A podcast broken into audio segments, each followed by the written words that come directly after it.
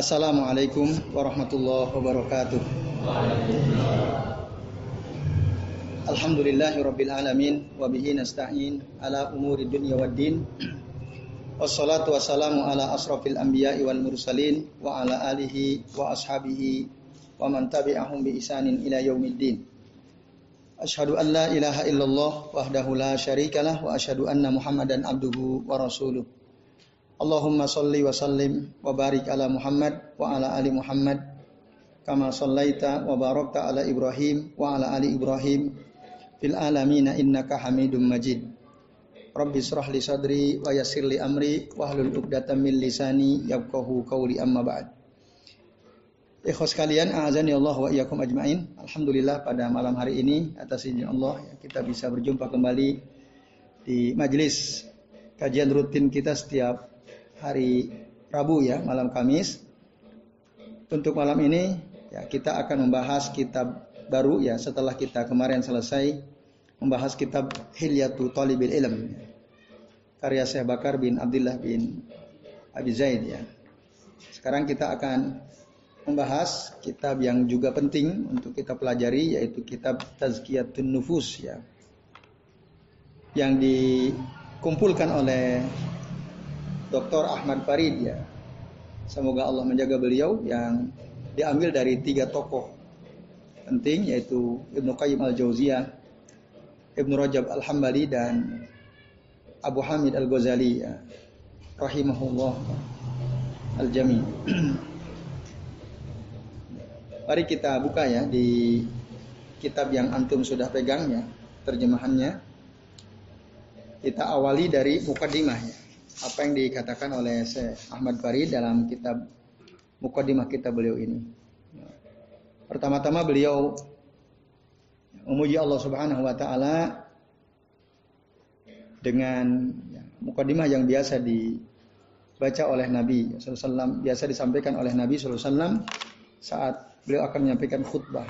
Ini disebut khutbatul hajah yaitu yang berbunyi innal hamdalillah nahmaduhu wa nasta'inuhu wa nastaghfiruh wa na'udzu billahi min syururi anfusina wa min sayyiati a'malina. May yahdihillahu fala mudhillalah wa may yudlilhu fala hadiyalah. Sesungguhnya segala puji bagi Allah. Nahmaduhu kita memujinya wa nasta'inuhu dan memohon pertolongan kepadanya. Wa nastaghfiruh dan memohon ampunan kepadanya wa na'udzubillahi min syururi anfusina. Dan kita memohon perlindungan kepada Allah dari keburukan jiwa-jiwa kita atau diri-diri kita wa min sayyiati a'malina. Sekaligus kita mohon perlindungan kepada Allah taala dari keburukan amal-amal kita. May yahdihillahu fala mudhillalah barang siapa yang diberi petunjuk oleh Allah taala maka tidak ada yang bisa menyesatkan dia. Wa may yudlil fala dan barang siapa yang disesatkan maka dia tidak ada yang bisa memberi petunjuk kepadanya. Kemudian saat itu beliau mengucapkan dua kalimat syahadat ya. Wa nashhadu an la ilaha illallah wahdahu la syarikalah dan kami atau kita bersaksi bahwasanya tiada Tuhan yang berhak disembah kecuali Allah saja. La syarikalah tidak ada sekutu baginya. Wa anna Muhammadan abduhu wa rasuluh. Dan kita juga bersaksi bahwasanya Muhammad adalah hamba dan utusannya. Sallallahu alaihi wa ala alihi wa sahbihi wasallam. Semoga kesejahteraan dari Allah terlimpahkan kepada beliau, kepada keluarganya, kepada umatnya dan kepada sahabat beliau wasallam. Dan begitu pun ya, keselamatan semoga tercurahkan kepada beliau, keluarga dan sahabat-sahabat beliau. Amma ba'du ada pusat itu kata beliau, lama kana minal muhimmat allati bu'isa bihan nabiyyu hadhil ummah Muhammadun sallallahu alaihi wasallam tazkiyatun nafas. Nah, ketika di antara beberapa perkara penting yang yang dengannya Allah utus ya, Nabi umat ini yaitu Nabi Muhammad sallallahu alaihi wasallam dalam rangka apa? Di tazkiyatin nafas ya. Dalam rangka untuk membersihkan jiwa umatnya sebagaimana yang Allah taala jelaskan di dalam surah Al-Jumu'ah ya, ayat kedua di mana Allah berfirman, "Huwallazi ba'asa fil ummiyina rasulan minhum."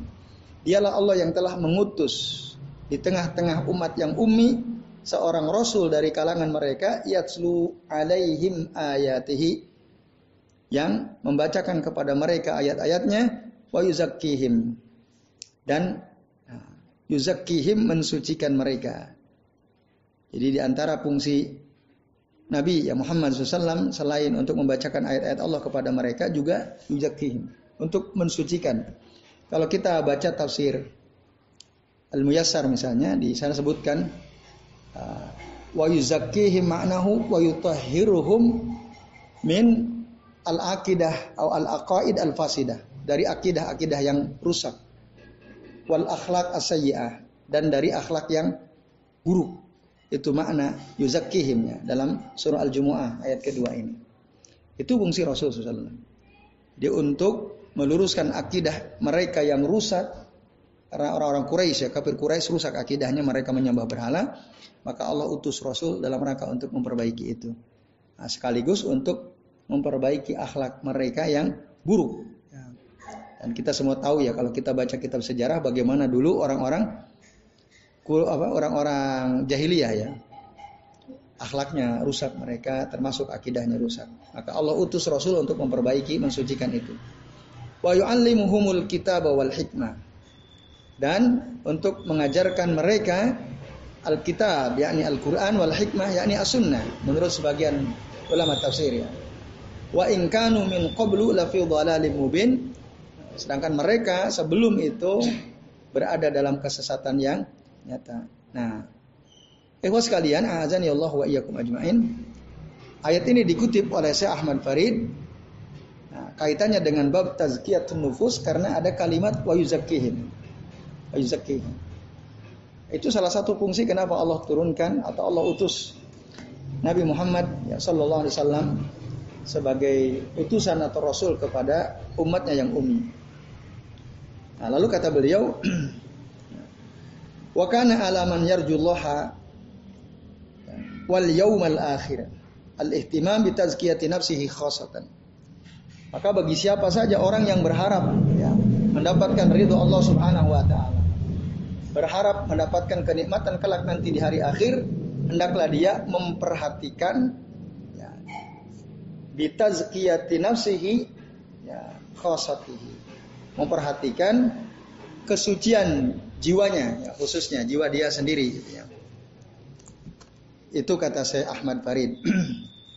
Maka Allah Taala ya, mengaitkan kebahagiaan seorang hamba itu dengan kesucian jiwanya. Jadi semakin suci jiwa seorang hamba, dia akan semakin bahagia.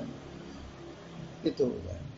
Maka kata beliau, waqad allaqallahu azza wajal falahal abdi bi tazkiyati nafsihi. Allah telah ya, mengaitkan keberuntungan seorang hamba itu dengan kesucian dirinya. Nah, lalu beliau mengutip ayat Al-Quran dari surah Asyams ya, surah Asyams. Dan beliau mengatakan, nah, hal itu diterangkan di dalam surah Asyams setelah Allah menyebutkan sebelas perkara secara berurutannya untuk menyebutkan pentingnya mensucikan jiwa. Sampai Allah bersumpah dengan sebelas perkara yang kita bisa temukan dalam surah Asyams. Bahkan sampai saya Ahmad Bari mengatakan wala yujadu fil Qur'ani bi akmalihi aksamun mutawaliyat ala hadan nusuk. Tidak ada dalam Al-Qur'an ya. Tidak ada dalam kita tidak akan temukan dalam Al-Qur'an ada kalimat sumpah yang disebutkan secara sempurna berurut-urut sebagaimana halnya yang Allah sebutkan dalam surah Asy-Syams ini. Ketika Allah akan menyebutkan tentang pentingnya tazkiyatun nafas ya. Nah, wasyamsi wa duhaha. Ini dua dua hal tuh. Demi matahari dan sinarnya di pagi hari dua tuh. Wal qamari idza talaha dan demi bulan yang mengiringinya. Tiga. Wan nahari idza jallaha dan demi waktu siang ketika apa menerak memunculkannya ya menerangkannya Kemudian walaili idza yaghshaha lima dan demi malam ketika menutupinya, menutupi matahari maksudnya. Lima itu al-lail. Was-sama'i wa ma banaha dan demi langit dan apa yang ya dibangunnya ya. Berapa itu? Enam ya. Tujuh, tujuh. Was-sama wa ma banaha. Itu huruf kosam semua, waw dua kali disebut ya. Jadi wama banaha itu bukan waw atap tapi termasuk waw kosam juga. Yang kedelapan wal ardi dan demi bumi wama tohaha dan demi apa yang Allah hamparkan ya di bumi. Bumi itu berapa berarti? Sembilan ya, sembilan. Nah, sepuluhnya apa? Wan nafsi wama sawaha. Yang ke sepuluh dan demi jiwa wama sawaha dan apa yang disempurnakannya. Nah, itulah yang dimaksud sebelas perkara yang disebut oleh Allah Taala secara berurutan ya, untuk menerangkan sesuatu yang penting. Fa'alhamaha fujuraha wa taqwaha. Maka Allah memberikan ilham mana yang baik, mana yang mana yang buruk, mana yang baik. Nah, lalu apa yang akan diterangkan oleh Allah? Kalimat berikutnya. Qad aflaha man zakkaha wa qad khaba man dassaha. Sungguh beruntunglah orang yang mensucikan jiwanya dan rugilah orang yang ya mengotori ji, jiwanya. Nah, itu. Nah, ini menunjukkan bahwa tazkiyatun nufus ini perkara penting. Sampai-sampai Allah bersumpah dengan sebelas perkara untuk menerangkan pentingnya mensucikan jiwa. Maka kalau kita ingin ya hidup kita bahagia, perhatikan jiwa kita suci atau tidak. Maka bersihkan jiwa kita. Nah, lalu beliau komentar tazkiyah itu artinya at-tatahur ya. Tatahur itu yang membersihkan, mensucikan. Oleh karenanya kenapa harta yang wajib dikeluarkan disebut zakat. Supaya harta itu bersih. Nah, karena dengan zakat itu harta yang dimiliki oleh seseorang akan menjadi suci bersih karena dia telah mengeluarkan haknya Allah Azza wa Jalla. Maka tazkiyah itu dengan kata zakat satu akar kata. Zaka, yuzaki, tazkiyah. Nah. Hah?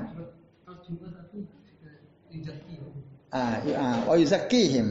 Nah itu, oh itu. Mensucikan mereka tadi itu. Nah, lalu kata beliau, uh, ketika ya orang-orang ya kaum muslimin kesulitan untuk mengambil manfaat dari kitab ya tentang masalah tazkiyatun nufus yang telah ditulis disusun oleh para ulama terdahulu, ada beberapa faktor yang membuat kita agak kesulitan gitu ya. Mengambil faidah atau manfaat dari kitab-kitab yang membahas tentang tazkiyatun nufus, di antara sebabnya adalah pada umumnya para ulama dulu ketika menulis kitab tentang tazkiyatun nufus, kitabnya besar-besar. Ya. Anna aglabaha mujalladat dokhmah. Ya.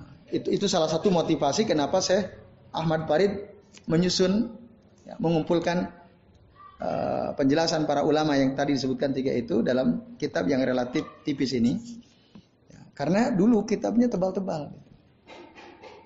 Saya punya kitab judulnya itu Akmalul Kulub ya. Itu tebal-tebal ada dua kitab.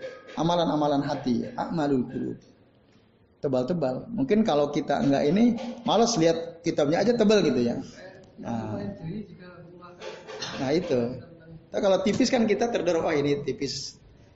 Kecuali kalau kita memang butuh ya pengayaan referensi tebal pun biasa kita baca ya. Tapi orang pada umumnya kalau melihat kitab itu tebal, udah males duluan ya, muncul malesnya gitu. Nah, kali kalau dibahas ya. Itu satu. Yang kedua, wa yas'abu ala kulli muslimin al-husul 'alaiha. Ya. Dan kesulitannya setiap muslim untuk bisa sampai ke kitab-kitab tersebut. Apalagi kalau sekarang mungkin tebel harganya mahal kan. Semakin tebal kan semakin mahal. Kalau tipis begini kan relatif terjangkau oleh kita gitu. Sehingga kaum muslimin bisa dengan gampang mudah dia akses karena kitab dia bisa beli. Nah ini. Di samping itu, wa kadzalika kasratul akhbar ad-dha'ifah. banyaknya hadis-hadis lemah yang bertebaran di kitab-kitab yang membahas masalah akhlak ya tazkiyatun nufus. Itu banyak. Ya, misalnya kitab Tanbihul Ghafilin. Oh, ada budunya wadin misalnya. Itu ada banyak hadis lemah ya di dalamnya. Kalau kita tidak hati-hati, ya kita dapatnya tadi hadis yang sebenarnya bukan dari Nabi Shallallahu Alaihi Wasallam. Nah, oleh karena itu, ya, bahkan ada hadis maudhu ya, hadis palsu. Itu bertebaran gitu di kitab-kitab yang disusun oleh para ulama terdahulu. Nah, maka kata beliau, wa amid nabi hamdillah ya, ta'ala ila jam'in as-sah ya as-sahil akhbar fi maudu'at ar-raqaiq al-mukhtalifah. Maka kita bersandar kata beliau, alhamdulillah ya untuk mengumpulkan hadis-hadis yang paling sahih, asahul akhbar dalam ya, tema ini ya, akhlak ar-raqaiq al-mukhtalifah atau dalam tema tazkiyatun nafas ini. Yang dikutip atau dinukil dari ulama al-a'imah alladzina bara'u fi hadal ilm. Dari para ulama yang mereka memang pakar di bidang dalam bidang ilmu ini kan. Ya, di sebutkan Al-Imam Samsuddin Ibnu Al-Qayyim atau Ibnu Qayyim Al-Jauziyah, murid dari Syekhul Islam Ibnu Taimiyah rahimahullah. Lalu diambil dari Ibnu Rajab Al-Hambali. Nah, beliau punya kitab misalnya Jami'ul Ulum wal Hikam ya. Jami'ul Ulum wal Hikam, masyhur kitabnya. Ada juga dari Al-Imam Abi Hamid Al-Ghazali ya. Rahimahumullah al-jami' ya. Semoga Allah merahmati mereka semua ini. Rajinallaha an yanfa'a bihadzal kitab naqilah kita berharap ya, kepada Allah Subhanahu wa taala semoga ya ini bermanfaat ya dari kitab yang dinukil dari tokoh-tokoh tadi. Ya wa nashiruhu wa qari'uhu. Ya baik juga bermanfaat untuk ya, penerbitnya termasuk untuk pembacanya. Yaumala yanfa'u malun wala banun illa man atallaha biqalbin salim. Ya, khususnya pada hari di mana tidak akan bermanfaat harta ataupun anak-anak kecuali orang yang datang kepada Allah Taala dengan hati yang selamat. Walillahil ham wal, wal minah wa maulana wa ilaihil nasir ya. Segala puji itu hanyalah milik Allah Taala. Allah lah pelindung kita dan hanya kepada Allah lah kita akan kembali.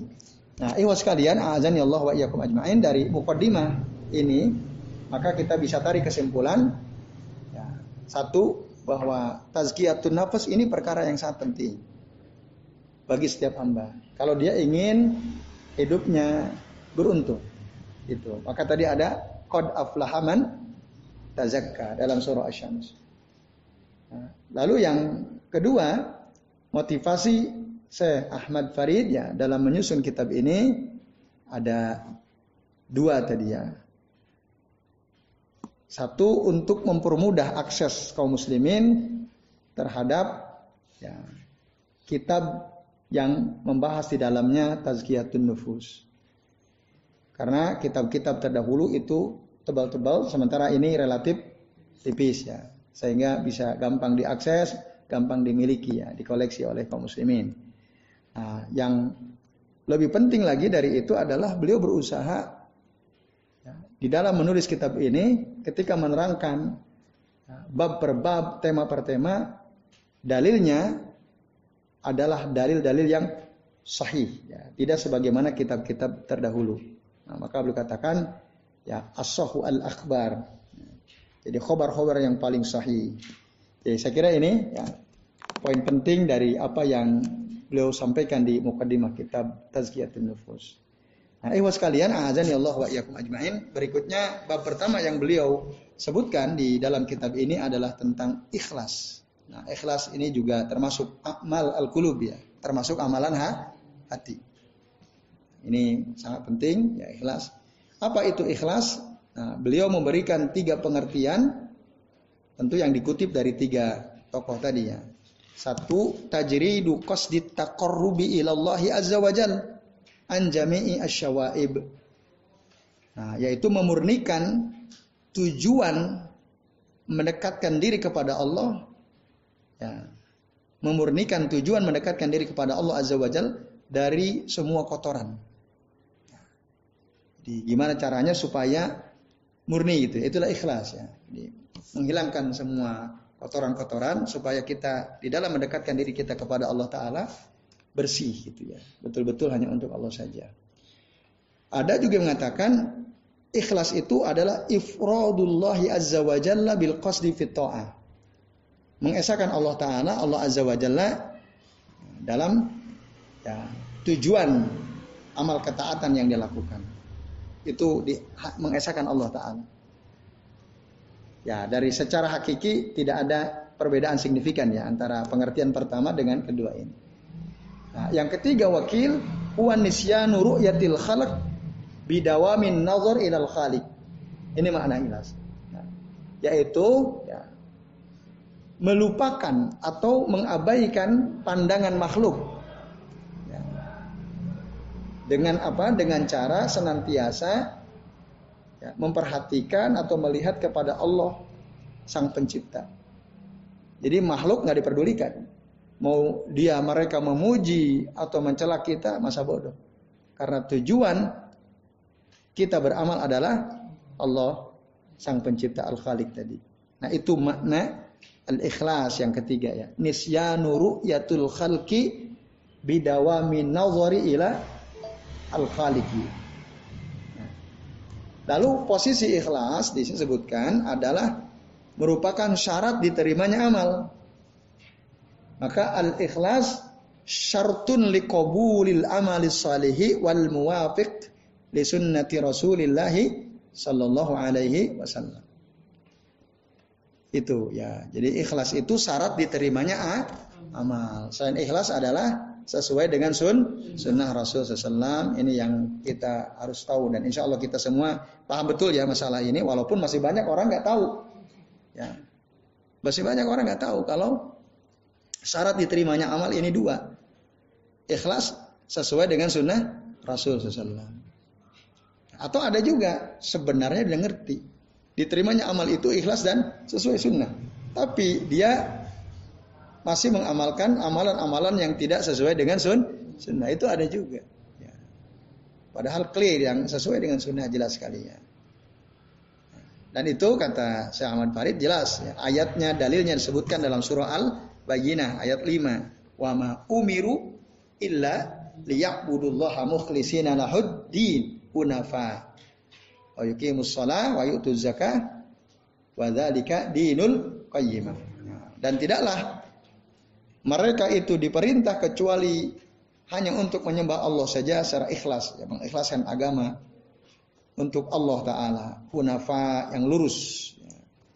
Jadi tidak belok kanan kiri ya itu itu dalil bahwa uh, syarat diterimanya amal itu harus ikhlas ya mukhlisina lahuddin lahuhu maksudnya lillah lillahi taala ad-din Nah, sementara dalil tentang pentingnya sesuai dengan sunnah, apa dalilnya? Bahwa syarat amal diterima itu satu ikhlas, dalilnya ini. Yang kedua harus sesuai dengan sunnah Rasul SAW. Apa dalilnya? Memang saya Ahmad Farid tidak menyebutkan dia ya di dalam kitab ini. Tapi penting kita minimal mereview, merefresh. Ada yang ingat apa kira-kira dalilnya bahwa beramal itu kalau ingin diterima oleh Allah Taala kita harus sesuai dengan sunnah Rasul. Nah itu gimana? Nah sahih asab tuh. Nah, barakallahu fi. Man amila amalan falaisa alaihi amruna bahwa raddun. Itu kata Nabi Sallallahu Alaihi Wasallam dalam hadis sahihnya. Barang siapa yang beramal, falaisa alaihi amruna dan tidak ada perintah dari kami, pada amalan yang dia lakukan itu bahwa raddud, maka dia tertolak.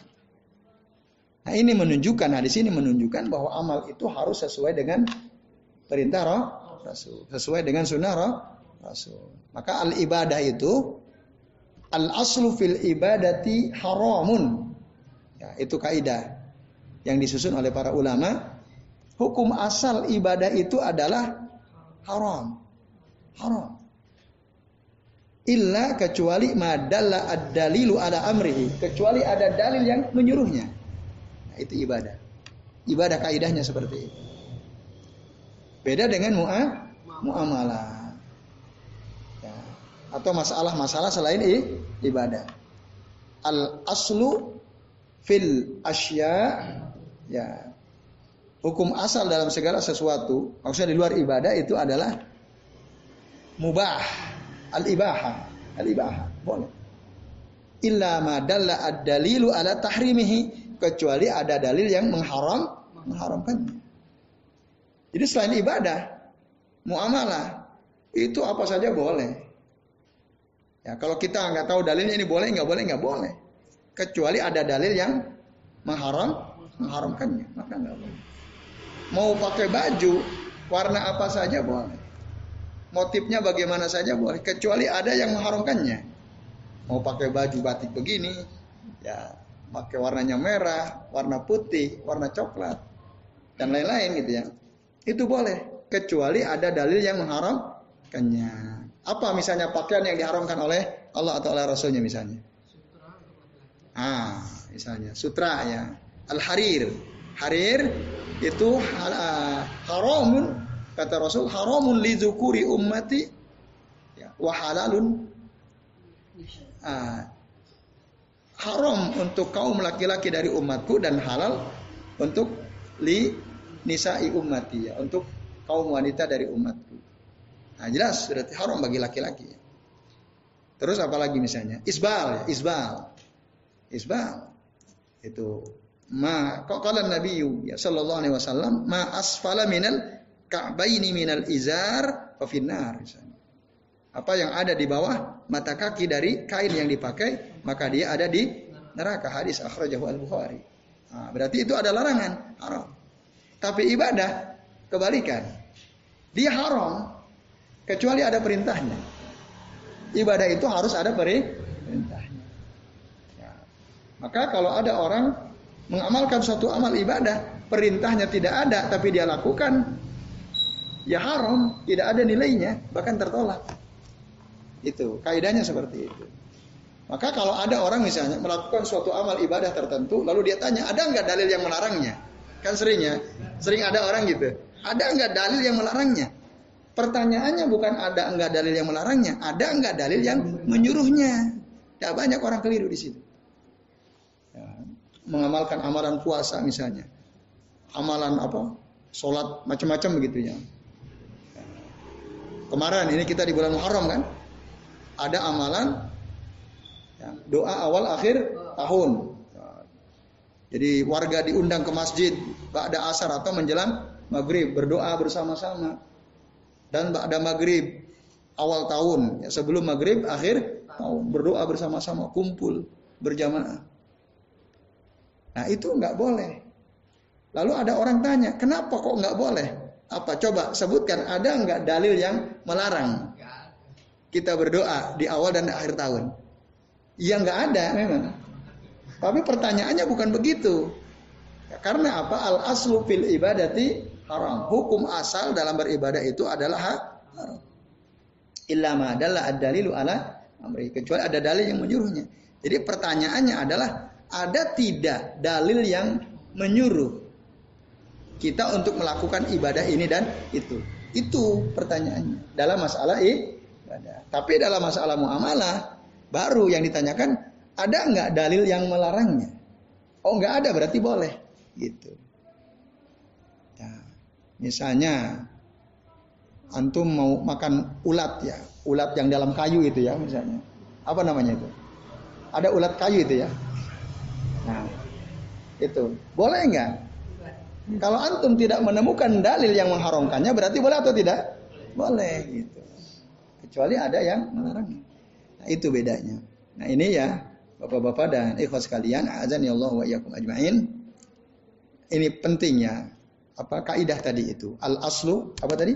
Al aslu fil ibadati haramun illa ma dalla ad-dalilu ala amrihi. Ini kaidah ini penting dihafal. Nah, itu. Baik, itu ya. Nah, kemudian di sini disebutkan hadis dari Nabi ya sallallahu alaihi wasallam tentang pentingnya ikhlas yaitu hadis riwayat Abu Umamah ya Al-Bahili radhiyallahu anhu. Beliau mengatakan qala ja'a rajulun ila Rasulillah sallallahu alaihi wasallam. Ada seseorang datang menghadap Rasul sallallahu alaihi wasallam. Faqala lalu dia bertanya, "Ara'aita rajulan ghaza ya, yaltamisul ajra wa dzikr." Ya. Yaltamisu al ajra wa dzikr malahu. Kata orang ini kepada Nabi bertanya, bagaimana menurut engkau wahai Rasul jika ada seseorang berperang tetapi dia mencari upah dari peperangan itu dan dia supaya namanya dikenang, disebut-sebut oleh orang. Malahu. Nah, bagaimana nih untuk orang ini? Apa jawaban Nabi? Faqala Rasulullah sallallahu alaihi wasallam la syai'a. Rasul menjawab, ini orang nggak punya apa-apa, nggak dapat apa-apa. Di sisi Allah Ta'ala. Nggak dapat apa-apa. Sampai diulang pertanyaannya tiga kali oleh orang ini. Fa'ada hasala sama rad wa Rasul sallallahu alaihi wasallam la syai'alahu. Dan berkali-kali Rasul pun menjawab, orang yang berperang untuk mendapatkan upah atau untuk supaya dia disebut namanya oleh orang-orang itu tidak akan dapat apa-apa. Summa lalu kemudian Rasulullah bersabda, Inna Allah azza wa jalla la yakbalu minal amali illa ma kana lahu khalison. Sesungguhnya Allah azza wa jalla tidaklah menerima dari suatu amalan kecuali amalan yang ikhlas darinya ya untuk Allah Subhanahu wa taala wa bihi wajhallahi azza wa jalla dan yang dia cari adalah keriduan wajahnya Allah Subhanahu wa taala. Hadis rawahu Abu Daud dan Nasai isnadin jayyid ya, dengan sanad yang jayyid. Gitu. Nah, maka hadis ini ikhlas kalian menerangkan tentang pentingnya ikhlas. Orang sehebat apa pun perang di medan perang, kalau dia yang dicari bukan keriduan Allah, yang dia cari ya bukan hanya untuk Allah, maka nggak ada nilainya. Sehebat apa pun perang dia. Maka nanti dalam riwayat yang lainnya disebutkan, jadi ketika Rasulullah SAW ditanya juga oleh seseorang tentang ya, suila anir rojuli yuqatilu hamiyatan wa saja'atan wa yara mawdi'ahum ayyuhum fi sabilillah. Rasul ditanya tentang orang yang ya, berperang hamiyatan. Hamiyatan itu dalam rangka untuk ya membela sukunya gitu ya membela suku. Kalau kita nasionalisme lah ya. Yang dibela itu nasionalisme atas nama nasionalisme. Atau kalau dulu ya suku yang dibela. Ada orang perang membela suku. Atau saja berperang supaya dia dianggap pember, pemberani. Atau wayaro mau diahu supaya orang melihat kedudukan dia ya mungkin dianggap batol ya misalnya pahlawan dan seterusnya nah apakah Siapa di antara mereka ayyuhum fi sabilillah? Siapa yang dari mereka yang dianggap berjuang di jalan Allah taala? Maka apa jawab Nabi? Nabi ya faqala Nabi sallallahu alaihi wasallam man qatala litakuna kalimatullahi hiyal mulia. Fahuwa fi sabilillah. Jadi orang yang dianggap betul-betul berjuang di jalan Allah taala adalah orang yang Nah, berjuang dalam rangka supaya nama Allah itu, kalimat Allah itu atau kalimat tauhid itu tinggi. Itu, itulah orang yang akan diberikan pahala besar oleh Allah taala saat dia berjuang ya. Fi sabilillah. Nah, ini jadi ya, tujuannya litakuna kalimatullahi hiyal ulia atau kalau di hadis ini khalisan lahu ya. Wa ayyabtagi wajhahu tadi. Ya ini ikhwas kalian a'adzani Allah wa iyyakum ajma'in. Kemudian hadis berikutnya dari Abu Sa'id Al-Khudri radhiyallahu anhu dari Nabi sallallahu alaihi wasallam annahu qala fi fi hajjatil wada. Sesungguhnya Rasul SAW pernah berkata dalam haji wada, haji terakhir. Apa kata Nabi? Nadarallahu mra'an. Ya, sami amaqalati fawa'aha. Allah akan menjadikan seseorang bercahaya yaitu orang yang mendengarkan kata-kataku kata-kata hadis hadis Nabi maksudnya jadi Orang yang mendengar hadis Nabi SAW itu kelak nanti Allah akan jadikan dia bercahaya. Nadarullah. Nah, anu mengatakan nadarullah itu wajahnya dia bercahaya. Ya. Siapa? Yaitu imro'an sami'a makalati. Seseorang yang mendengar kata-kata Nabi ya Shallallahu Alaihi Wasallam pawaaha. Lalu ya dia hafalkan hadis Nabi itu. Ya. Nanti dalam hadis yang lain ada lanjutan. Summa addaha kama sami'aha. Kemudian dia sampaikan hadis itu kepada orang lain sebagaimana yang dia dengar atau sebagaimana yang kalau sekarang dia baca dalam kitab lalu disampaikan sesuai dengan itu. Nah, maka orang yang begitu itu Allah akan jadikan dia kelak bercahaya. Maka bapak-bapak dan ibu sekalian, ya, menghafal hadis Nabi itu sama pentingnya sebagaimana kita menghafal Al-Quran kelak nanti dia akan dijadikan bercahaya oleh Allah Ta'ala. Maka jangan malas menghafal hadis dia. Nah, sehingga para ulama itu nulis kitab ya, seperti Imam Nawawi An Nawawi misalnya rahimahullah. Nulis kitab hadis arba'in ya, tipis. Dalam rangka apa? Supaya membantu orang-orang bisa menghafal hadis-hadis Nabi. Nah, maka kita yang sudah biasa hadir ke majlis ilmu harusnya berusaha tuh setiap hadis itu dihafalin dapat hafalin sampaikan. Nah ini ya ikhlas kalian azan ya Allah wa Lalu kata Nabi parubaha mili fikhin laisa bifaqih. Ya, betapa banyak orang yang membawa ilmu ya, mendengar gitu, ilmu dia dengar, mungkin dia catat, laisa bifaqih, tapi dia nggak paham gitu. Dia nggak paham, tapi dia hafal, dia nggak paham. Banyak yang seperti itu. Ya.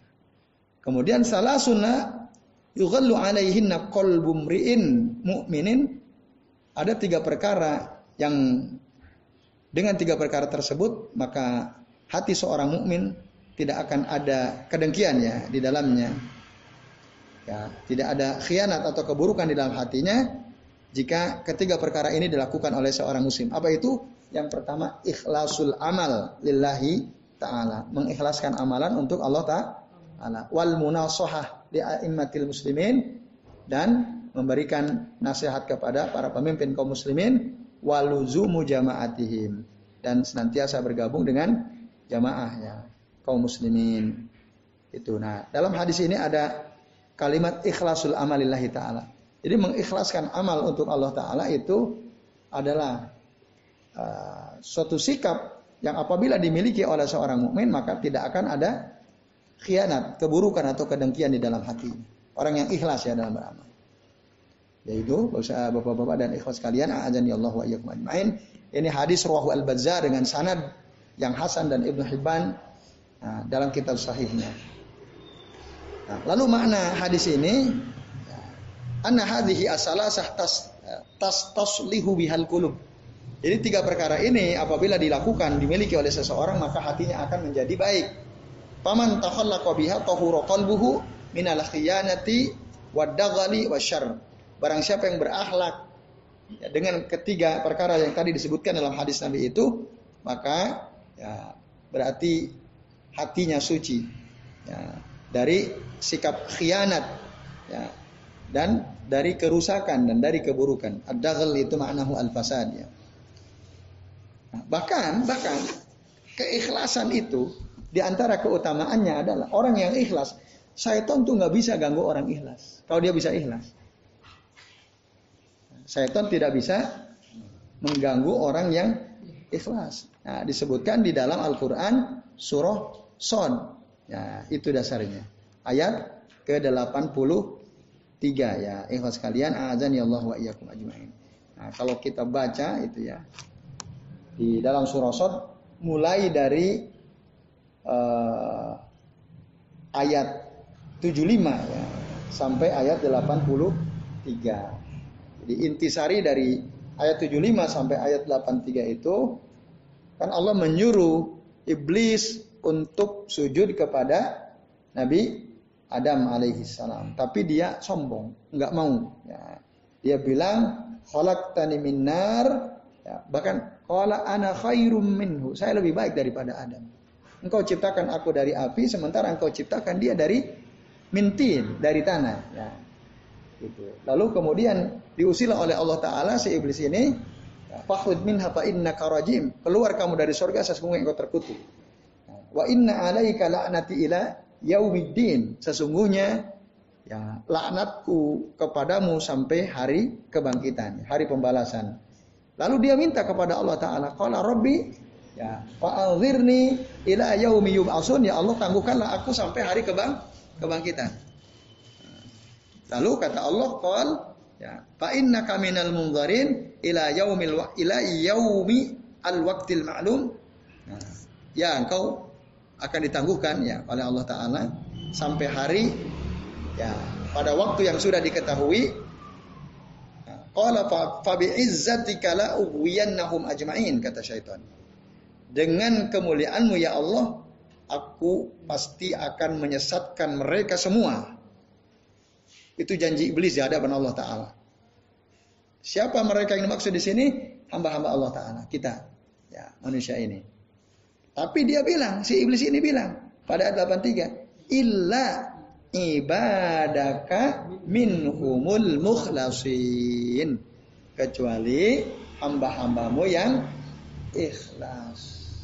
Jadi cara untuk menghalau godaan iblis itu sebenarnya ikhlas.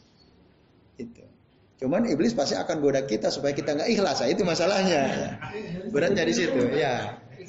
Nah, itu itu persoalan. Iblis bilang hambamu yang ikhlas nggak bisa digoda sama dia. Tapi untuk bisa ikhlas dijaga sama dia di di, di dia ganggu supaya kita enggak eh. Waalaikumsalam. Nah, padahal padahal Ya, itu ya sekalian. Nah, nanti diterangkan di sini bagaimana cara uh, supaya kita bisa ikhlas ya. Baik, itu dasar, dasarnya ya dalilnya. Maka uh, kata saya Ahmad Farid, wala yatakhallasul abdu minasyaiton illa bi ikhlas. Seorang hamba itu tidak bisa selamat dari gangguan syaitan kecuali dengan ikhlas. Karena syaitan sendiri bilang begitu. Berdasarkan firman Allah Ta'ala dalam surah Sur ayat 83 tadi. Nah, sampai-sampai ada seorang soleh dia mengatakan kepada dirinya sendiri, ya nafs akhlisi tatakhallasi.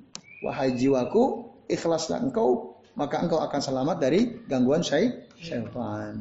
Nah, ini ya, ilmu sekalian, azan Allah wa iyyakum ajmain.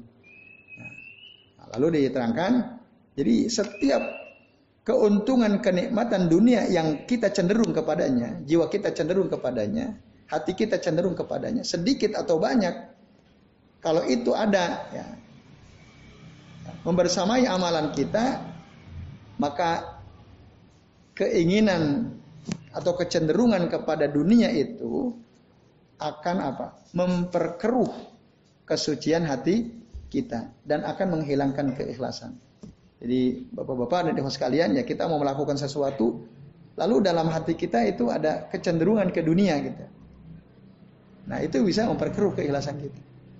Maka memang kalau bisa ditajrid. Tajrid itu dimurnikan. Walaupun tidak mudah ya. Tidak mudah. Tapi begitulah caranya supaya kita bisa ikhlas. Kalau ada hal-hal yang wah saya ingin ini, ingin itu dari amalan saya. Nah, itu kalau sedikit saja gitu ya, ada kaitannya dengan dunia itu bisa rusak gitu hilang keikhlasannya dan jadi tidak ada nilainya di sisi Allah Subhanahu wa taala.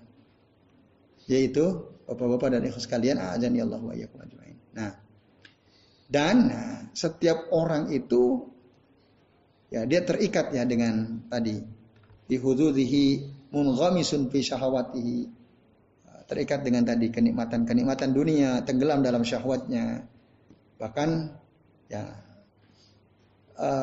qallama yanfaqu fi'lun min af'alihi. Sedikit sekali ya, amalan yang dilakukan oleh kita sebagai hamba-hamba Allah taala yang bisa lepas dari dunia tadi. Dan dari ibadah yang kita lakukan ya. Tidak lepas dari tujuan-tujuan duniawi, agrad ajilah min hadhil ajnas. Itu, memang tidak mudah gitu ya untuk bisa ikhlas itu. Nah, sampai ada ulama mengatakan man salimalahu min umrihi lahzatun wahidah khalisut khalisat khalisatun liwajhillahi naja. Barang siapa ya, orang yang sebentar saja dari usia dia itu ada amalan satu saja ikhlas ya, untuk mendapatkan keridhaan Allah Subhanahu wa taala maka dia selamat. Nah, artinya untuk bisa ikhlas itu susah gitu. Susah. Berhasil satu aja. Ya tentu yang tahu kita masing-masing ya. Coba antum ketika mengamalkan satu amalan betul-betul ikhlas atau ada tujuan lain. Nah, itu ya. Kalau ada, wah berarti selamat dia sudah. Nah, ini ini menunjukkan betapa agungnya keikhlasan ya dan betapa sulitnya membersihkan hati kita dari kotoran-kotoran kesyirikan. Maka ikhlas itu artinya adalah ya, kata Syekh Ahmad Farid tanqiyatul qalbi minasyawaibi kulliha, membersihkan hati dari seluruh kotoran, kotoran kesyirikan. Ya, di antaranya. Baik sedikit maupun banyak. Sampai ya semua terlepas dari amalan kita itu nah, kosdut takorrub. Ya, betul-betul tujuannya adalah dalam rangka untuk mendekatkan diri kepada Allah Ta'ala.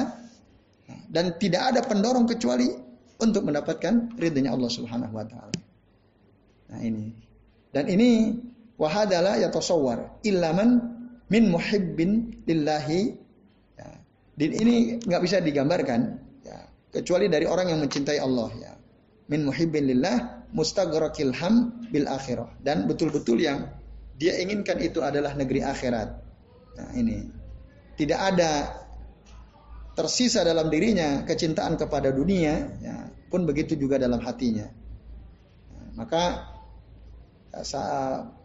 permisalan ini ya, lau akala au syariba au qada hajatahu karena ya, khalisul amal sahihun niyah wa man laisa kadzalika babul ikhlas masdudun alaihi illa alan nudur ya. Uh, contoh misalnya seseorang ketika dia makan, ketika dia minum, ketika dia buang hajat, lalu dia ikhlas gitu, benar niatnya. Nah, maka kalau dia tidak ikhlas, tidak benar niatnya, Nah, maka keikhlasan itu akan tertutup bagi dia kecuali alan nudur kecuali sangat sedikit sekali atau jarang sekali. Nah, itu ikhlas kalian azan ya Allah wa iyyakum ajmain. Ya. Jadi ya termasuk kita makan, minum, buang hajat juga bisa nggak? Uh, kita ikhlas. Makan, minum, buang hajat. ah, kebiasaan ya. Nah, kebiasaan sehari-hari ya. Bisa jadi amal gak itu? Bisa ya jadi amal. Makan minum tujuannya apa? Tujuannya ke Allah bisa nggak? Makan minum bisa nggak? Bisa. Makan biar apa makan? Kuat beribadah. Minum biar kuat berzikir gitu ya. Nggak kehausan gitu ya. Nah, dan buang hajat ya biar bisa khusyuk misalnya dalam beribadah kepada Allah Subhanahu wa taala. Nah, ini ya sekalian, bahkan sampai itu kita kalau bisa juga ikhlas lillahi taala. Nah, tapi tadi betul sekali ya, ini terakhir untuk bisa ikhlas itu cara terbaiknya apa? Kita punya ilmunya, punya il ilmunya. Gitu. Kita ngerti ilmunya. Maka dalam hadis mengatakan misalnya Ya. Man at'ama li nafsihi bahwa lahu sodakoh. Waman at'ama li ahlihi ya bahwa lahu sodakoh. Waman at'ama li waladihi bahwa lahu sodakoh. Waman at'ama li khadimihi bahwa lahu sodakoh. Barang siapa yang memberi makan dirinya sendiri, itu jadi sodakoh untuknya.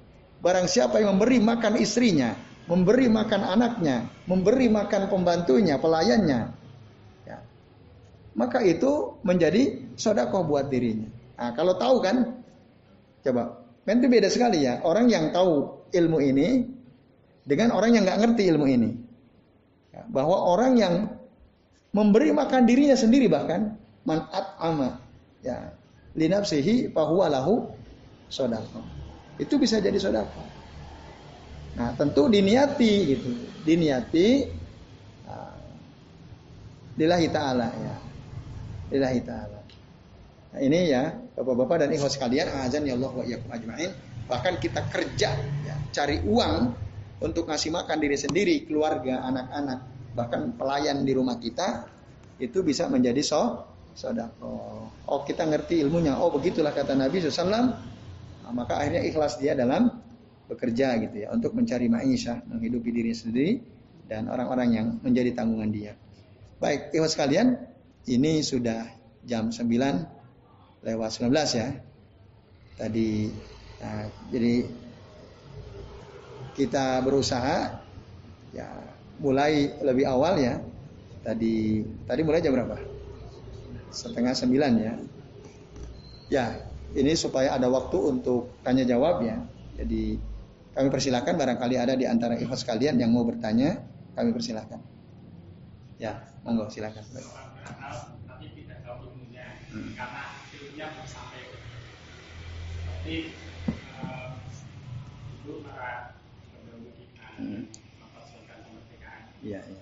mereka berjuang bukan karena tegaknya kalimat Allah nah. tapi karena kecintaan kepada tanah air hmm. apakah dia juga masuk syariat seandainya gitu ya. Iya. nah, kalau faktanya nggak tahu jangan-jangan mereka ngerti bahwa perjuangannya adalah li'ila'i kalimat tilah kan gitu seandainya gitu ya, seandainya para pendahulu kita uh, founding fathers ya negeri ini karena kecintaan kepada negeri gitu ya. Tapi dia nggak tahu gitu ilmunya. Belum sampai. Uh, ilmunya belum sampai kepada dia. Terus yang ditanyakan apakah itu? Apakah dia termasuk syahid?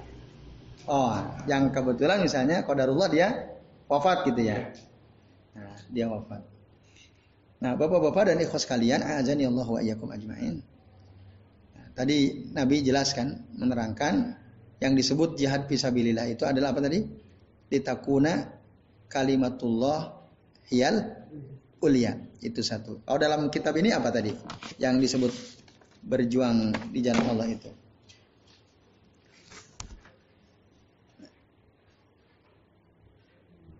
Nah, yang ikhlas ya, illa makana lahu khalisan wa bihi wajhahu.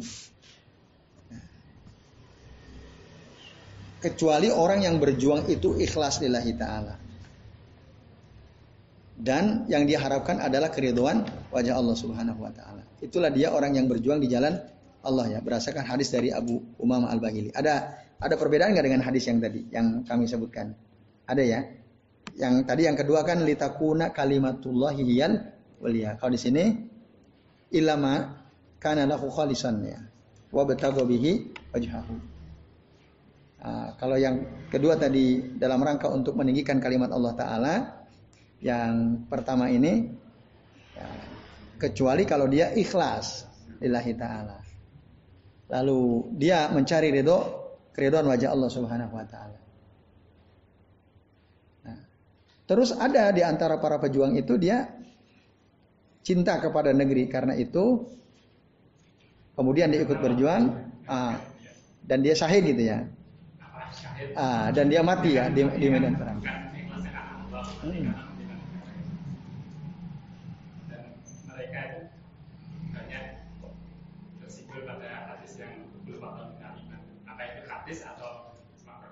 Ah, itu bukan hadis ya. Itu bukan hadis. La asalahu minan nabiyyi sallallahu alaihi wasallam.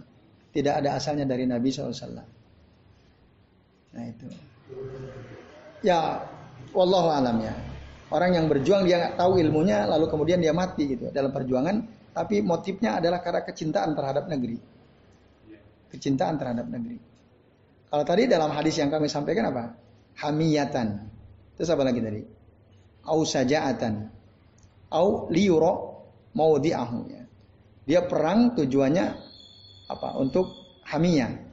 Hamiyah itu apa? Membela suku ya, membela sukunya. Berarti kalau membela negeri kira-kira sama atau tidak? Ya, kira-kira sama. Nah, maka di situ nanti bedanya orang berilmu dengan orang tidak berilmu. Seandainya belum sampai ilmunya.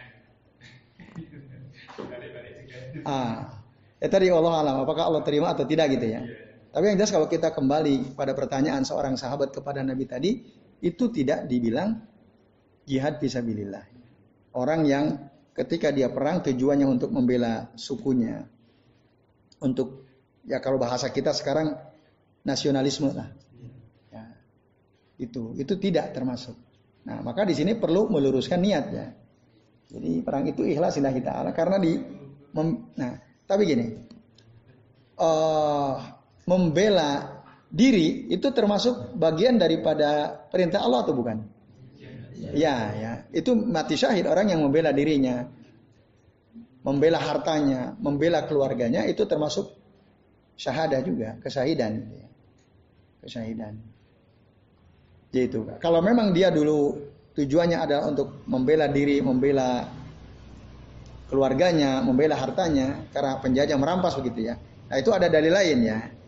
Nah, jadi barang siapa yang membela dirinya dafa'a an nafsihi wa malihi wa ahlihi wa huwa syahid ya. Ya. Orang yang mati karena dia membela dirinya, membela membela hartanya, membela keluarganya, maka dia termasuk syahid kata Nabi SAW. Ya kalau kita kembali ke hadis itu berarti masuk syahada ya, dia dapat syahada. Yaitu. Nah, yang penting tadi, berarti kalau kita sudah tahu beberapa hadis ini, seandainya ya suatu saat ada situasi di mana kita harus terjun, nah, maka yang di dijadikan pendorong motivasi adalah tadi agar kalimat Allah ditinggikan, ikhlasillahi taala. Tadi karena kita ngerti ilmunya kan, tadi bahwa tadi membela diri, membela keluarga, membela harta itu adalah syahid ya. Tahu ilmunya kita, maka ya ikhlas kita jadinya kan. Berjuang ya untuk setidaknya membela diri tadi, membela harta, membela keluarga. Dan kata Rasul itu adalah syah, syahid. Yaitu Allah alam. Ya itu Pak Jarno. Ya silakan kalau kita. Mengingat itu susahnya untuk ikhlas dalam ibadah. Ya. ikhlas itu ada tingkatannya. Agak ikhlas terus. Ah. Sangat ikhlas itu. Ah. Dan rata-rata ketika kita beribadah itu contohnya mungkin saya pribadi Hmm. sholat duha itu Ya ya. ya. untuk biar hari ini lancar urusan dunia. Ah. Rata-rata untuk tujuan dunia. Iya, iya. Besok Ah. Ada hajat kita tahajud itu ada Atau misalnya sholat dua rakaat sebelum subuh itu kita supaya dapat pahala dunia seisinya. Ya. Apakah itu termasuk ikhlas? Ah. Dan tingkat tertinggi ikhlas itu apa? Oke baik. Terima kasih Pak Lukito. Nah, jika kita mengharapkan sesuatu yang memang itu disebutkan oleh dalam dalil ya, misalnya tentang rok atai al fajar khairun minad dunya wa ma fiha. Dua rakaat salat sunnah fajar itu lebih baik daripada dunia dan seisinya. Kita tahu ya, Nabi mengatakan seperti itu. Nah, akhirnya kita jaga, kita berusaha menjaga sholat sunnah fajar dua rakaat karena keutamaannya. Dan karena tahu Nabi mengatakan demikian gitu. Dan ini bagian daripada sunnah Nabi SAW. Lalu kita taat kepada Nabi, kita lakukan itu.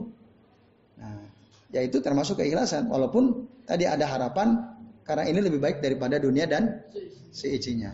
Jadi ada istirok di situ ya. Istirok itu apa? Tujuan yang berserikat ya. Satu mentaati Rasul ya dalam Al-Qur'an kan jelas man waman atau ar-rasul faqad atau Allah. Barang siapa yang taat kepada Rasul, sungguh dia telah taat kepada Allah Subhanahu wa taala. Terus uh, tujuan kedua dia ingin mendapatkan sesuatu yang lebih baik daripada dunia dan seisinya berdasarkan keterangan dari Nabi SAW. Maka itu tidak mengapa ya. Itu termasuk tidak menghilangkan keikhlasannya. Mustarok gitu ya. Ada satu ikhlas karena ada dalil dari Nabi tidak ingin mentaati Rasul, orang taat kepada Rasul, taat kepada Allah Ta'ala. Kemudian karena dalam hadis sebutkan demikian, lalu kita berharap ya semoga kita mendapatkan uh, kebaikan yang itu lebih baik daripada dunia dan seisinya. Itu. Jadi mustarok tidak ada masalah ya. ya. Itu yang diterangkan oleh sebagian ulama. Berserikat di dalam amal kita itu satu niat ikhlas di sisi itu juga kita berharap kebaikan berdasarkan keterangan dari dalil gitu ya. Gitu. Nah,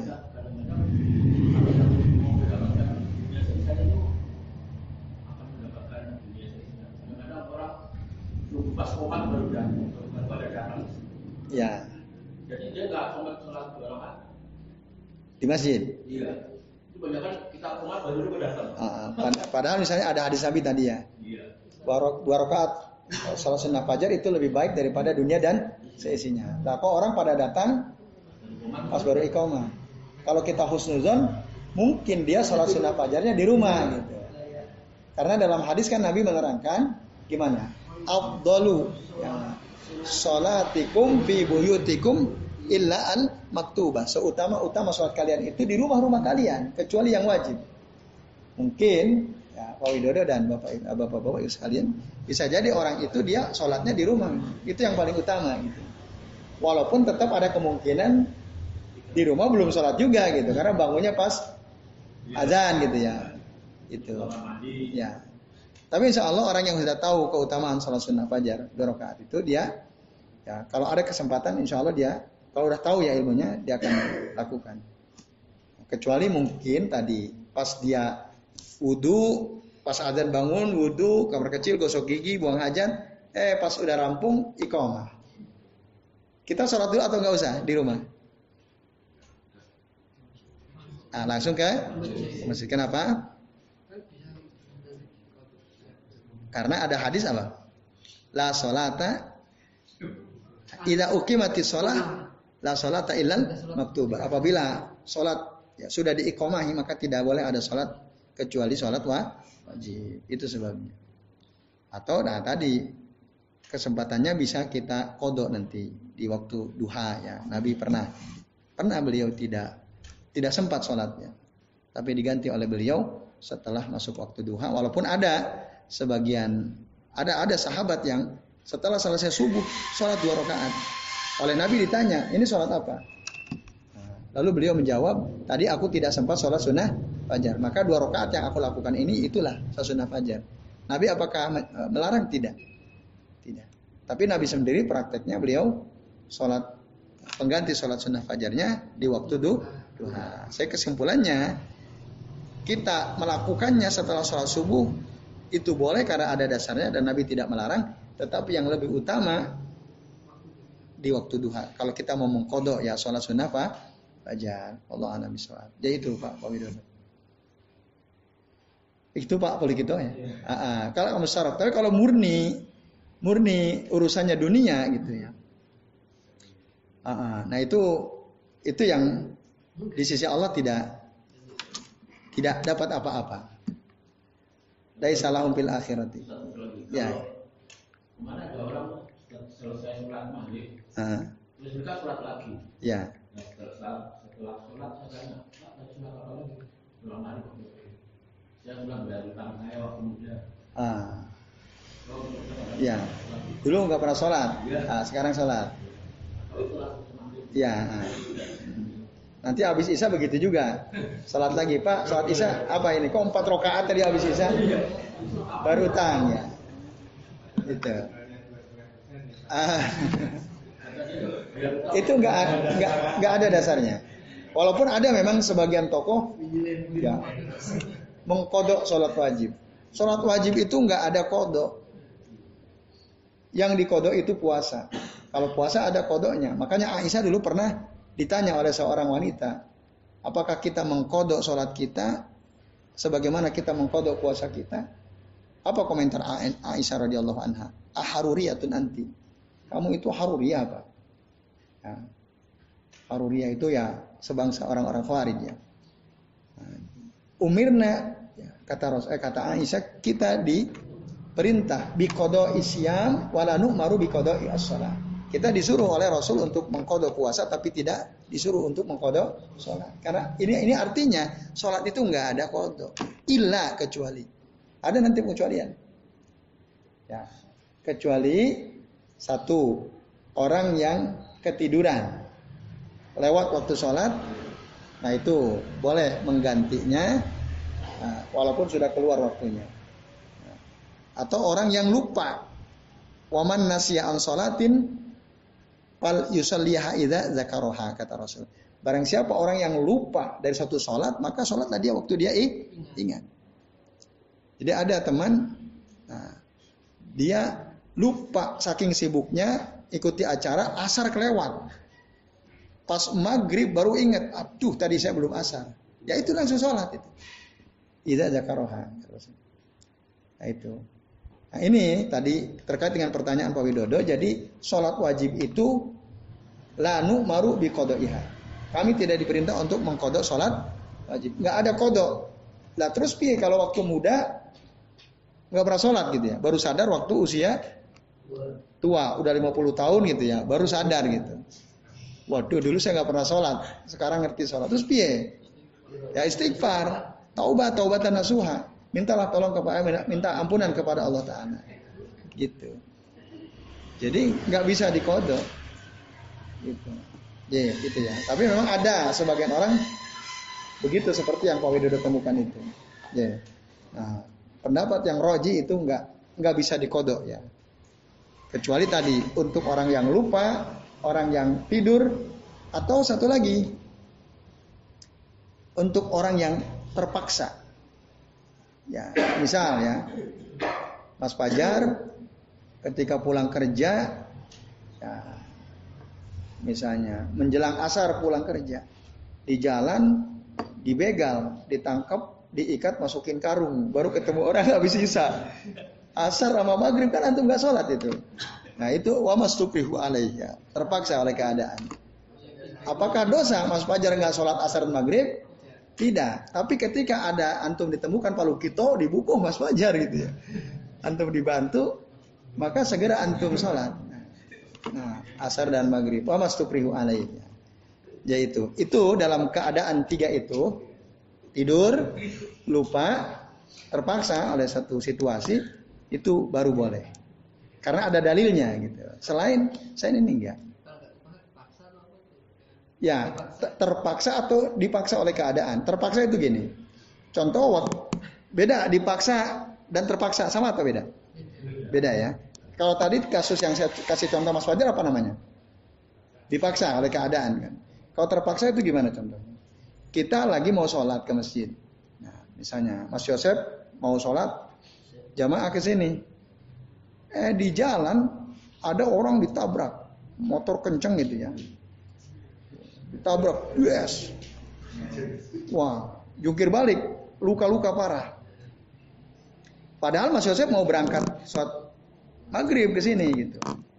Mana dahulukan? Menolong orang yang kecelakaan tadi atau lanjut jalan, dicuekin aja, biarin aku mau sholat maghrib. Ya kita tolong kan, kita bawa ke rumah sakit, ya sampai betul-betul dia ditangani. Oh ternyata waktunya lama gitu udah masuk waktu Isya itu belum rampung. Sampai sholat maghrib? Belum. belum kan? Nah itu namanya terpaksa atau dipaksa? Terpaksa. Boleh nggak kayak gitu? Boleh? Boleh. Ya, udah itu yang terbaik. Tolong dulu orang, walaupun akhirnya kita kehabisan waktu sholat, tapi nanti kita sholatnya saat situasinya udah udah beres gitu ya. Nah itu wamas tukrihu alaihi gitu ya. Itu. Maka ya dalam hadis kan sebutkan, Innallaha tazawwaja li an ummati al khata wan nisyan wa mastukrihu alai. Sesungguhnya Allah taala memaafkan mengampuni dosa umatku karena al khata. Khata itu karena dia nggak tahu, an nisyan karena dia lupa, wa mastukrihu alai atau karena dia terpaksa tadi. Dipaksa atau terpaksa oleh suatu keadaan. Yaitu itu dasarnya Pak Widodo. Oke, terakhir Pak saya ingin melengkapi jawaban untuk Pak Lukito tadi ya. Coba antum buka surah Hud ayat 15 sampai 16. Surah Hud ayat 15 sampai 16 ya. Ah, 15 16.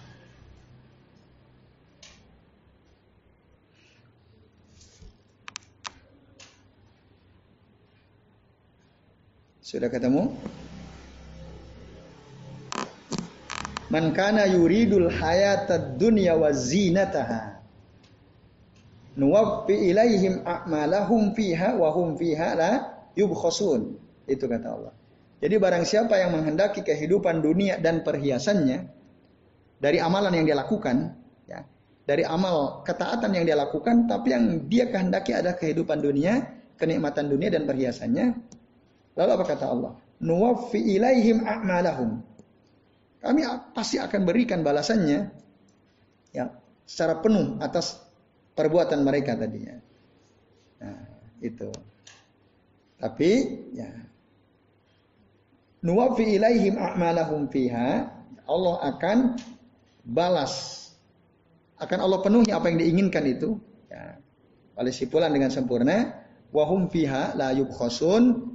Dan mereka tidak akan ya, dirugikan oleh Allah Ta'ala. Jadi kalau kita saya ingin laku nih laris dagangan saya. Wah, shot dua lah supaya laris misalnya.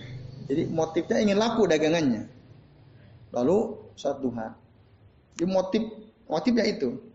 Dia lupa kalau itu sunnah Rasul gitu ya. Yang dia ingat pokoknya untung lah. itu alokasi.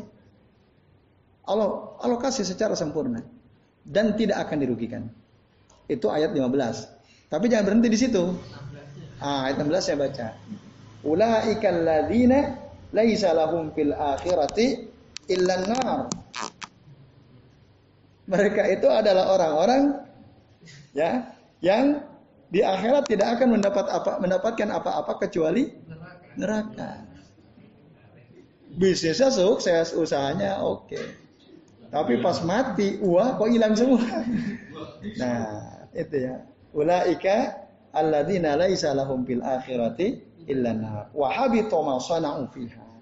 Dan sia-sialah apa yang mereka lakukan waktu di dunia. Wa batilum makanu ya'malun dan terhapus apa-apa yang mereka kerjakan waktu di dunia itu. Nah ini, maka emang hati-hati ya dalam beramal itu jangan sampai kita kalau mustarok tadi boleh berserikat gitu. Kita melakukan suatu amalan berserikat. Di satu sisi kita ikhlas ilahi ta'ala, di sisi yang lain kita berharap kepada Allah semoga kita mendapatkan kebaikan. Nah, kata saya Muhammad bin Shalih Utsaimin itu nggak ada masalah. Tapi kalau motifnya murni dunia, keuntungan dunia, yaitu yang di akhirat nggak akan dapat apa-apa. Yang ada malah masuk neraka dan semua sia-sia itu. Yaitu kalau kita ya. Di antara dalil ya yang menjelaskan orang yang nggak ikhlas loh. Bukan lillahi ta'ala, bukan ya betagi wajhahu bukan. Tapi li ajli dunia wa zinatah. Itu. Yaitu saya kira dasarnya ya.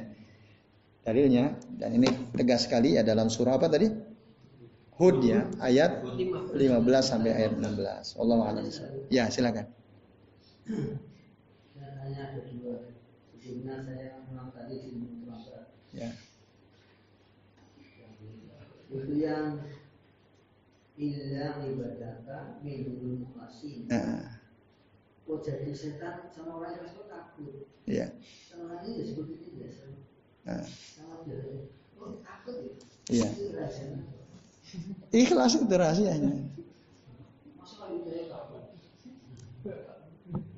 Ya karena dia sendiri bilang begitu kata Allah kan. Ya, Nah, antum harus interview ke syaitan tuh. Apa yang membuat anda takut sama orang ikhlas? Karena yang hanya tahu jawabannya syaitan itu. Ya, kok kamu takut sama orang ikhlas kan? Karena saya bukan syaitan, saya nggak bisa jawab tuh. Ya. Saya nggak bisa jawab itu ya. Kenapa kok kamu takut sama orang ikhlas gitu? Nah. Antum tahu jawabannya nggak? Oh, iya. Kalau antum tahu berarti antum sejenis dengan mereka. Kedua ya. eh, kata Imam Malik itu saya pakai Arabnya ya. Ya, ya. Waman akhlaso. Waman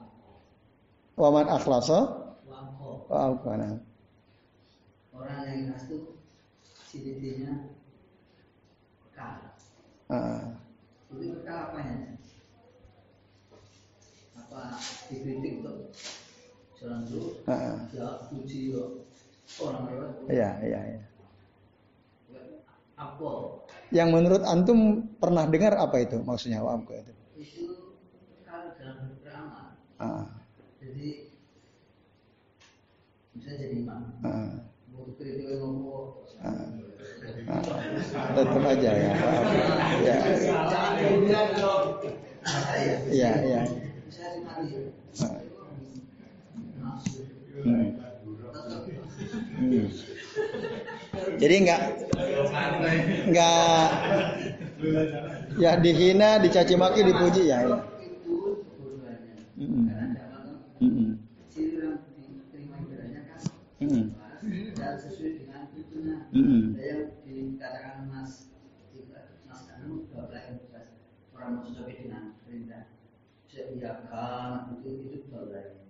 Ini Hmm. Hmm. Hmm. itu semata-mata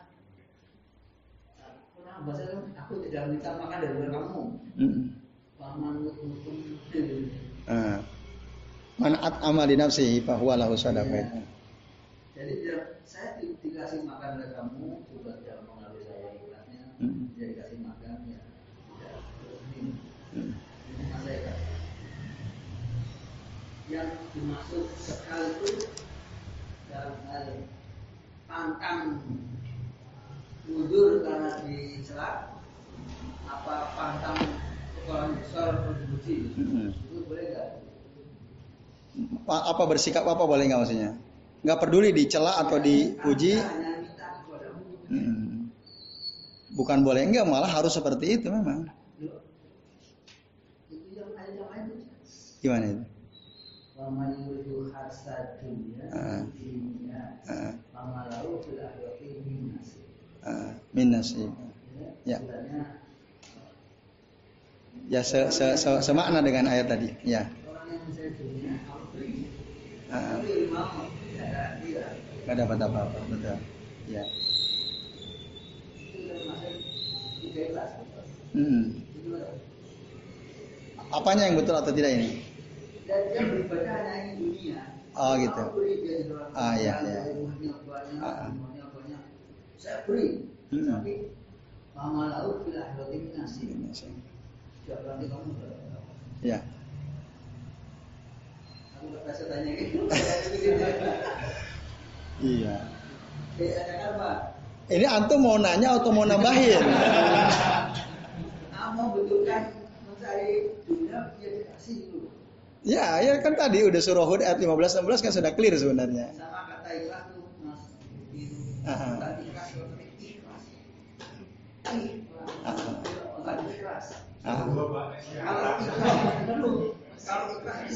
Oke.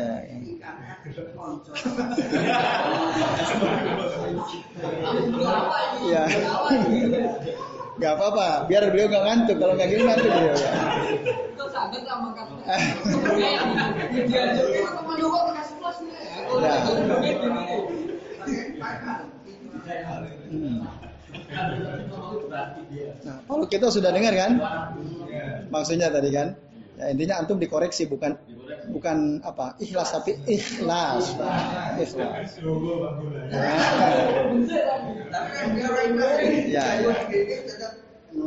Ya, ya. Ya, terima kasih Pak Nasir. Intinya antum tambahi kan? Ya, ya itu itu ayat lain yang senada dengan ayat ini tadi sebenarnya.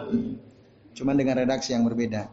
Ini orang yang menginginkan kenikmatan dunia Allah kasih, betul. Tapi nanti di akhirat dia nggak dapat apa? Apa-apa. Kalau di sini kan yang ayat ini lebih sadis lagi gitu ya. Bukan hanya sekedar nggak dapat apa-apa, tapi dia dapat neraka gitu. Semua amalnya sia-sia gitu. Ya. Nah itu. Kan. Nah itu. Ya, jadi jawabannya orang ikhlas hebat kan gitu. Makanya syaitan tak takut. Nah kalau ditanya lagi kok dia saat takut? Ya tanya sama syaitan itu. Kenapa kok dia takut sama orang ikhlas? Yang jelas Allah mengatakan syaitan bilang illa ibadakal mukhlasin. Itu yang tidak akan disesatkan oleh syaitan. Artinya orang yang ikhlas itu nggak mungkin disesatkan oleh syaitan. Iya. Yaitu Allah alam bismillah. Baik. Oh masih ada. Ya silakan. ketika salam beribadah Ah, kan dalam perjalanan beribadahnya itu eh, mungkin ada sedikit ah, Nah, di, di tengah-tengah ibadahnya. Ya, ya, ya. kemudian di akhirnya dia sadar itu cuma semata karena Allah dan beristighfar Ah. apakah amalnya di- diterima atau tidak Diterima. oh. Ya. Ya, orang yang awalnya ikhlas di tengah-tengah waktu kita sholat lah misalnya. iya. Pas takbiratul ihram ikhlas. Eh pas di tengah-tengah kok ada keinginan, wah ini ada orang ini nih apa? Ada mertua saya nih ke masjid kan misalnya, dia sholat dekat kita, wah tak panjangin deh, ya sholatnya tak khusus-khusuin gitu ya. Eh kita sadar, aduh ini nggak ikhlas nih. Lalu kita halau, ya, godaan syaitan itu, lalu kita beristighfar kepada Allah Subhanahu Wa Taala, mengikhlaskan kembali, maka diterima. Emang harus dihalau gitu. Tapi kalau kita pasrah sama godaan syaitan, tidak ikhlas sampai rampung, ya rusak amalnya. Walaupun awalnya ikhlas.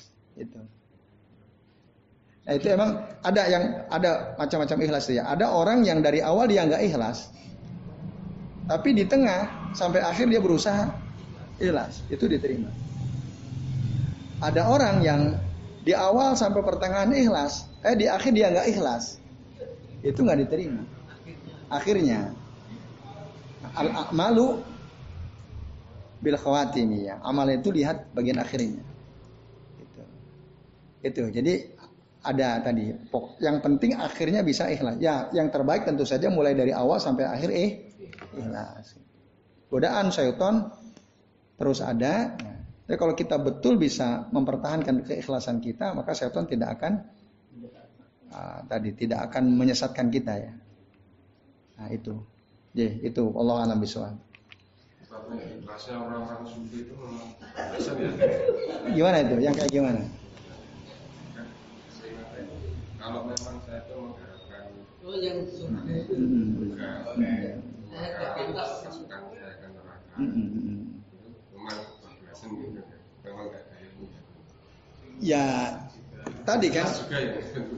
Ikhlas itu salah satu syarat diterimanya ah, amal. Yang kedua apa? Itibar Rasul kan? Kan ada seorang sufi wanita Robiah al-Adawiyah itu ya. Ya Allah seandainya aku beramal karena mengharapkan sorgamu, maka tutuplah pintu sorga untukku. Kira-kira begitu ya. Ya Allah seandainya aku beribadah kepadamu karena takut akan siksa api nerakamu, maka masukkanlah aku ke dalam nerakamu kan begitu.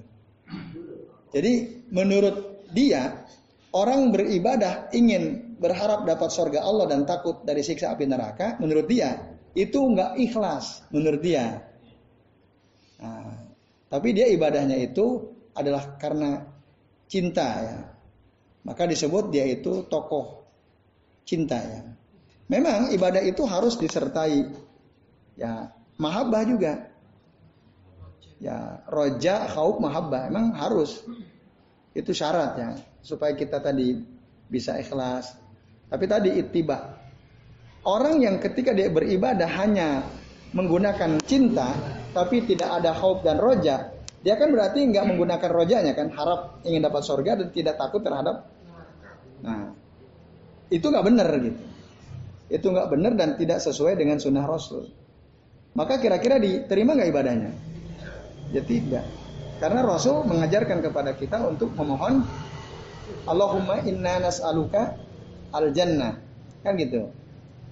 Allahumma ini as'alukal jannah wa azir wa ajirni minan minan nar. Kan di, di antara zikir yang diajarkan itu. Ya Allah sesungguhnya aku memohon sorga dan uh, pelihara aku dari siksa api neraka gitu.